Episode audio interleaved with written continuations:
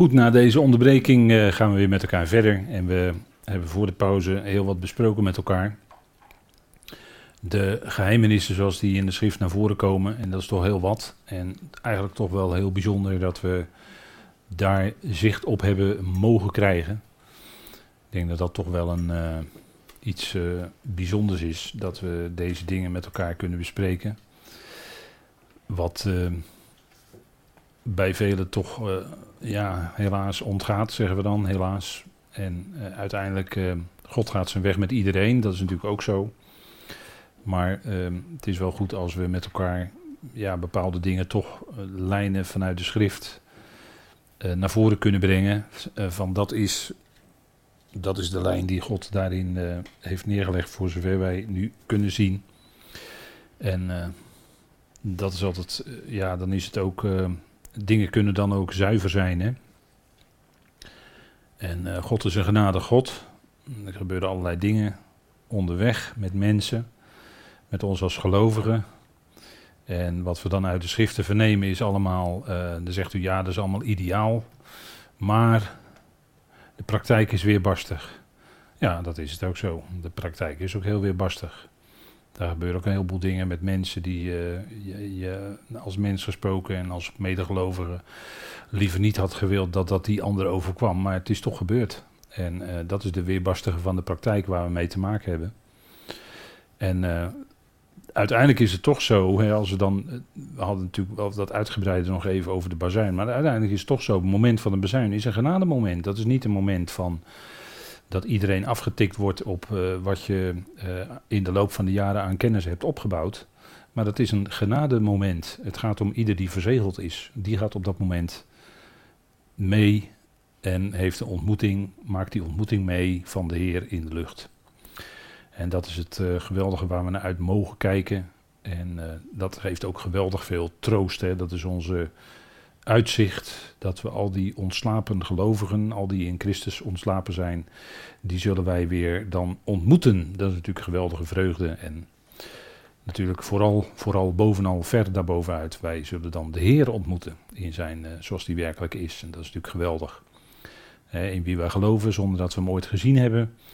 Maar dat is toch natuurlijk iets bijzonders. Hè? Dat je in iemand gelooft, je hebt hem nog nooit gezien. Maar je weet dat hij er is, je weet dat hij een redder is. Je weet dat hij verheerlijkt is en je gaat hem ontmoeten. Daar kijk je naar uit. Dat is eigenlijk heel bijzonder. dat is uh, echt om naar uit te zien en dat geeft je ook extra kracht in. Zeker ook in moeilijke situaties. Paulus die sprak tot de Corinthiërs en we hebben vanavond wel wat meer in die eerste Korinthebrief gekeken met elkaar. En dit heeft natuurlijk ook te maken met die ommekeer uh, waar, waar dat beheer van het geheimenis zo direct mee te maken heeft, die ommekeer in Gods plan, en dat is een ommekeer in de zin van een scharnierpunt zou je kunnen zeggen, waar dat, waarin de lijnen zeg maar gezet worden richting redding van allen uiteindelijk. En dan zegt Paulus tegen die Corinthiërs, en dan gaat het om die wijsheid, hè, want wat verkondigen wij, daar begonnen we vanavond mee. Of wat verkondigt God, als ik het heel strikt even vanuit Efeze 3 zeg. Wat verkondigt God door de Ecclesia heen, door de uitgeroepen gemeente heen? Dat is die veelvuldige wijsheid van God. Aan die soevereiniteiten en gevolmachtigden enzovoort te midden van de hemelsen. Dat doet hij door de Ecclesia heen. En dat, dat is die wijsheid van God. En wat is nou die wijsheid van God, waar Paulus het dan over heeft? Die veelvuldige wijsheid, die zoveel kanten heeft. Je kan het ook weer vergelijken, net als genade, met een diamant die allemaal vlakjes heeft. En als het licht er anders op valt, schitteren er weer andere vlakjes. Nou, zo is het dus ook zeker met de wijsheid van God. Dat heeft zoveel kanten en heeft zoveel aspecten in zich. Daar heb je als gelovige veel meer dan één mensenleven voor nodig om daar iets van mee te nemen. En Paulus die verkondigt dan in het begin van de Korinthebrief: Wij verkondigen echter een gekruisigde Christus voor Joden inderdaad een strik, voor de natieën echter dwaasheid. Maar voor hen die geroepen zijn, zowel voor Joden als voor Grieken, is Christus Gods kracht en Gods wijsheid. Dus we hebben ook het uh, aspect van de wijsheid. Hè? Dus die dwaasheid van de prediking, het dwaze van het kruis, waar aan iemand hing, waar totaal geen kracht van uitging, zoals de Romeinen dat opvatten. Bij uh, de Romeinen ging het om brute kracht van het geweldige leger van Rome. Maar dit was een tentoonspreiding van ogenschijnlijk krachteloosheid, een gekruisigde Christus, wat voor de wereld dwaasheid is, zeker voor de Griekse filosofen van die tijd. En de Joden verlangden tekenen, wat Paulus ook zegt in dit stukje. Maar de wijsheid van God is een gekruisigde Christus. Via die weg bewerkt hij de verlossing van de hele mensheid. Bewerkt hij het dragen van de zonde van de wereld. En doet hij alles weg wat verhinderde, wat een barrière kon zijn tussen hemzelf en die mens. De mens, Christus Jezus, is nog steeds nu, zegt Paulus, de middelaar, hè? de enige middelaar tussen God en mensen. Is de mens Christus Jezus, de gekruisigde. En natuurlijk ook daarin verlengde de opgewekte. Gods kracht en Gods wijsheid. Dat wordt allemaal zichtbaar in Christus, de gekruisigde Christus. Dat was een smadelijke dood. Het was een dood van, uh, voor misdadigers, voor criminelen in die tijd. Slaven. Dat was niet een straf die een Romeins staatsburger zomaar zou kunnen ondergaan. En dat onderging juist onze Heer, die diepste vernedering, waar de meeste smadelijkheid, waar de meeste schande mee verbonden was. Dat is de gekruisigde Christus. En dat heeft enorm effect, ook in ons leven als gelovigen. Een gekruisigde Christus, dat houdt ook in, en dat leren we dan uit het Evangelie van Paulus, dat ook wij tezamen met Christus, wat onze oude mens betreft, onze oude ikkie, hè, onze oude mens betreft, tezamen met hem mede gekruisigd zijn. die oude mensheid is daaraan meegegaan aan het kruis. Dat is natuurlijk de prediking van het evangelie van Paulus. Hoort ook bij het evangelie, hè, Romeinen 6. En daarom is die gekruisigde Christus is natuurlijk niet iets dat alleen aan het begin van Paulus' boodschap klinkt. Maar dat klinkt doorheen zijn brieven, tot en met de Efezebrief. Hebben we ook gezien, Efeze 2. Waarin uh, het woord kruis een essentiële betekenis en essentieel was in dat hele stukje. Dus dat heeft een blijvende, blijvende grote waarde in het evangelie wat Paulus verkondigde.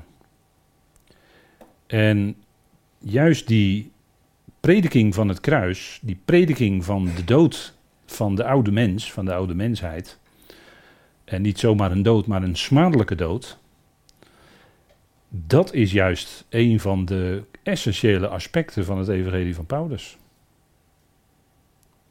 En dat, dat leest u niet in het evangelie van de besnijdenis. Dat leest u niet bij de besnijdenisapostelen. Het is alleen Petrus die in 1 Petrus 2 vers 24 het hout noemt. Maar hij vermijdt zelfs ook daar nog het woord kruis. En dat is een heel kenmerkend verschil wat ook een scheidslijn neerlegt tussen die twee evangeliën. Omdat in dat evangelie, en dat heeft hiermee te maken, dat in het evangelie van de besnijdenis, daarin speelt het vlees, in de, ook in de zin van vleeselijke komaf, speelt nog een rol. Maar als de prediking van het kruis komt, dan betekent dat dat die oude mens en daarmee ook het vlees mee gekruisigd is en dat dat dus geen rol meer kan spelen. En dat is wat Paulus natuurlijk ook in Efeze 2 in dat stukje uh, bekend, uh, duidelijk maakt. Hè, waarin hij begint over de situatie van de natieën in het vlees. Efeze 2 vers 11 en 12. En hij eindigt met de situatie van de natieën, gelovig enzovoort, in de geest. En daartussen, in dat stukje in het midden, staat het kruis. Hè? Dus dat, dat moet u natuurlijk niet vergeten. Hè, dat in zulke gedeeltes dat kruis in feite een essentieel gegeven is. En dat klinkt niet, dat is niet zo omwentelend en dat is niet zo, uh, dat is niet aanwezig in het evangelie van de besnijdenis. En daarom kun je die twee evangeliën ook niet met elkaar mengen. Kan niet. Kan niet. Buiten Paulus is alles ons tot voorbeeld geschreven. Zeker. Alleen je kunt die twee evangeliën niet met elkaar vermengen. Dat gaat niet. Dan raak je de kracht kwijt. De kracht van de boodschap. Christus is Gods kracht en Gods wijsheid. En, en dat is wat voor ons en voor iedere gelovige in feite centraal gegeven is. Hè? Christus is Gods kracht en Gods wijsheid. Gekruisigd uit zwakheid, maar hij leeft nu in de kracht van God. En dat is ook voor ons, hè, we zijn vanuit onszelf heel zwak. En, en als het om de mens gaat en om het vlees gaat en de oude, uh, noem alles maar, dat is allemaal zwak. Maar we hebben wel kracht ontvangen. Door die geest in ons is wel die kracht van God werkzaam. En dat is, heeft alles met uh, de, de kruis en prediking ervan te maken. En dat is voor, voor iedereen. Dat is voor of je nou uh, naar tekenen verlangde of uh, wijsheid zocht, Joden en Grieken. Uh, ja, het antwoord is Gods kracht. Hè? Het antwoord is Christus. Op beide. Dus dat sluit alle mogelijkheden van eigen verdiensten, op welke manier dan ook, sluit dat uit. En natuurlijk, ja, als het gaat om werken. Paulus spreekt natuurlijk ook regelmatig over het doen van goede werken, natuurlijk. Alleen de, de, de kracht is dan Gods kracht waarin je dat kunt doen. En uh, dat is dus niet meer uh, jij als mensje die alles maar gaat proberen goed te doen. Nee, het gaat om die goede werken waarin wij kunnen wandelen, maar die kracht is dan van God. En je doet het ook niet voor een belang of wat ook. Belangeloos. Gods liefde is belangeloos. We, hebben, we kennen geen eigen belangen, maar we zoeken het belang van Christus. Het belang van Christus Jezus. Filippenzen spreekt daar natuurlijk uitvoerig over.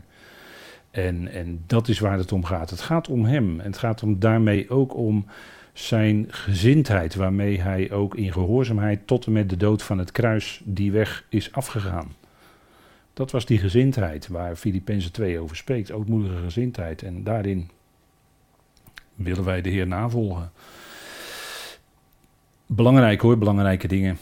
En Paulus die spreekt nog meer over wijsheid in de eerste Korinthebrief. En dat heeft wel degelijk ook te maken met in feite de tekst van Efeze 3. Daar zegt hij wij echter, of wij spreken echter wijsheid tot hen die gerijpt zijn. Een wijsheid echter die niet van deze eon is, noch van de vorsten van deze eon, die buiten werking gesteld worden dus Paulus had het hier en daar wel over die wijsheid, alleen hij kon dat niet aan al die Corinthiërs kwijt. Omdat ze daar nog niet aan, ja, om het zo maar te zeggen, daar waren ze nog niet aan toe. Hij zegt ook, wij spreken de wijsheid tot hen die gerijpt zijn. Dus die al een zekere geloofsgroei, om het zo maar te zeggen, hebben doorgemaakt. Groei naar volwassenheid in het geloof.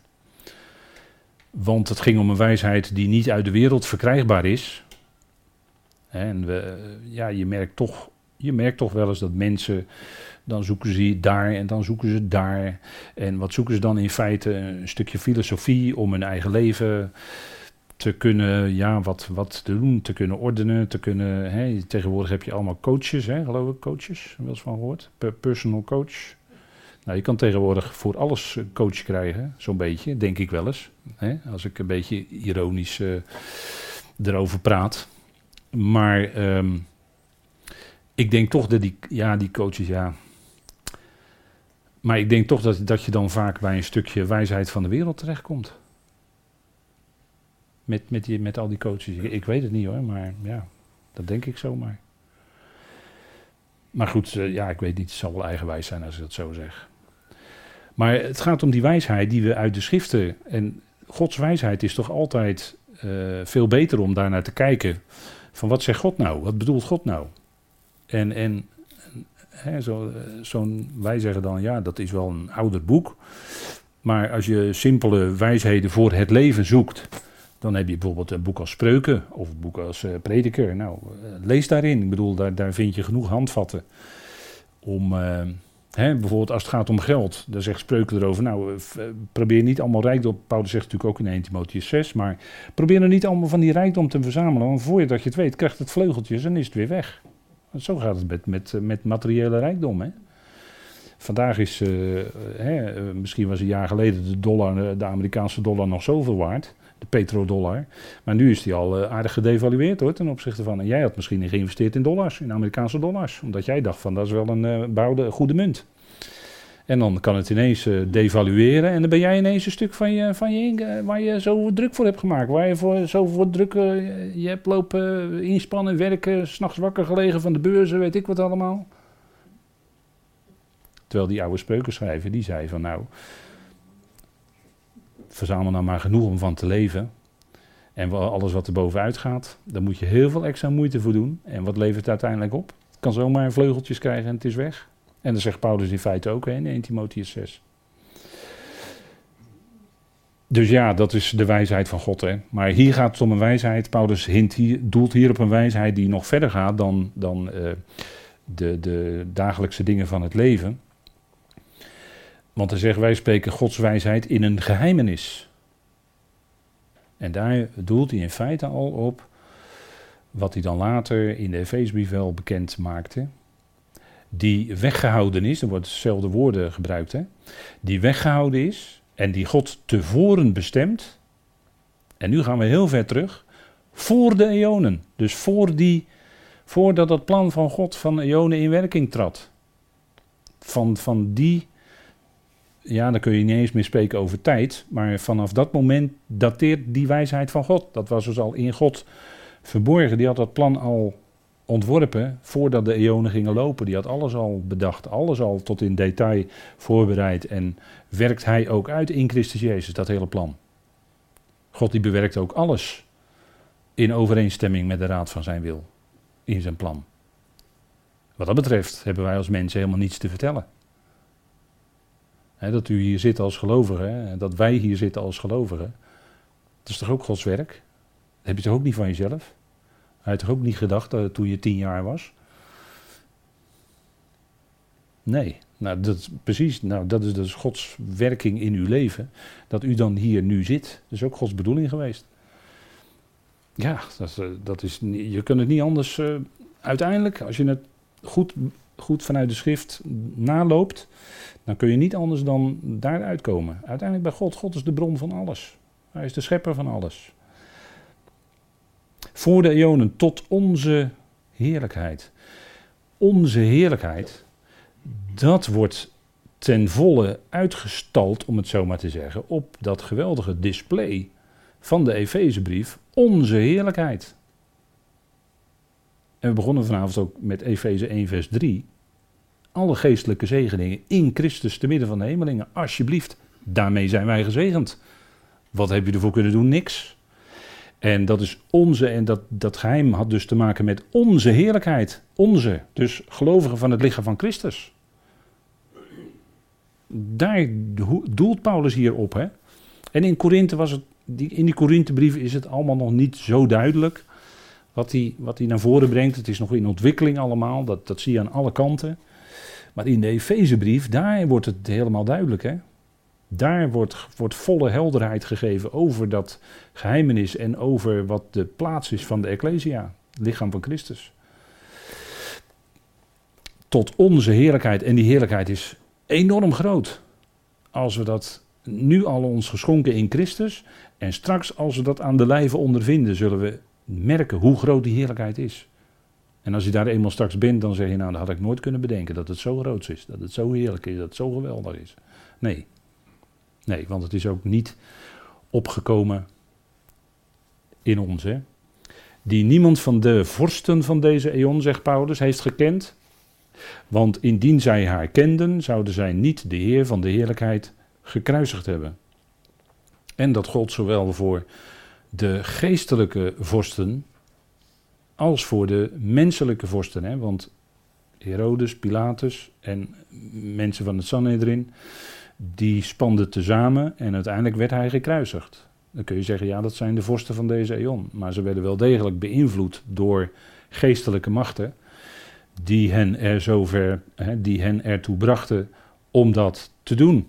Denk maar aan een Judas, die door de Satan in het hart gegeven werd om de Heer over te leveren. Dat kon Judas ook niet uit zichzelf.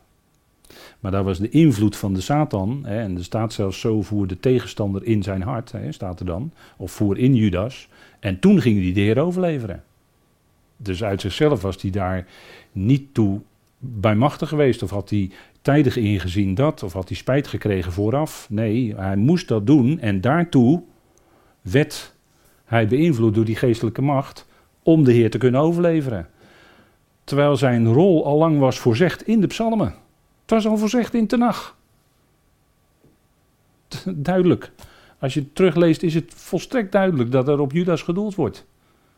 Maar het stond dan vastgelegd in de schrift dat hij dat moest doen. En later kwam hij daadwerkelijk op het toneel en ging hij dat ook doen. Maar dat was omdat de Heer het voor, vooruit gezien had en vooruit gepland had.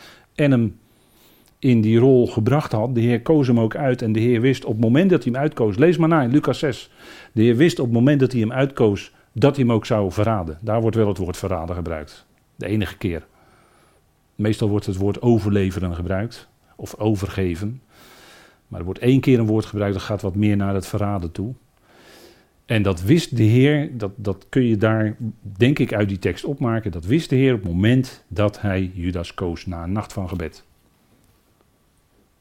Dat zo, zo zijn die dingen dan gelopen. Je kunt dat teruglezen in de schriften. En dat moest ook allemaal gebeuren en de Heer wist dat. En hij werd gekruisigd en, en wat hij ontging aan het kruis, ook dat was voorzegd in de schrift. De, ook, ook zelfs de lichamelijke effecten die dat bij hem had. Hè. Psalm, lees maar na, Psalm 22. Lees maar na, Psalm 69. Daar wordt dat in beschreven. En, en andere psalmen ook hoor.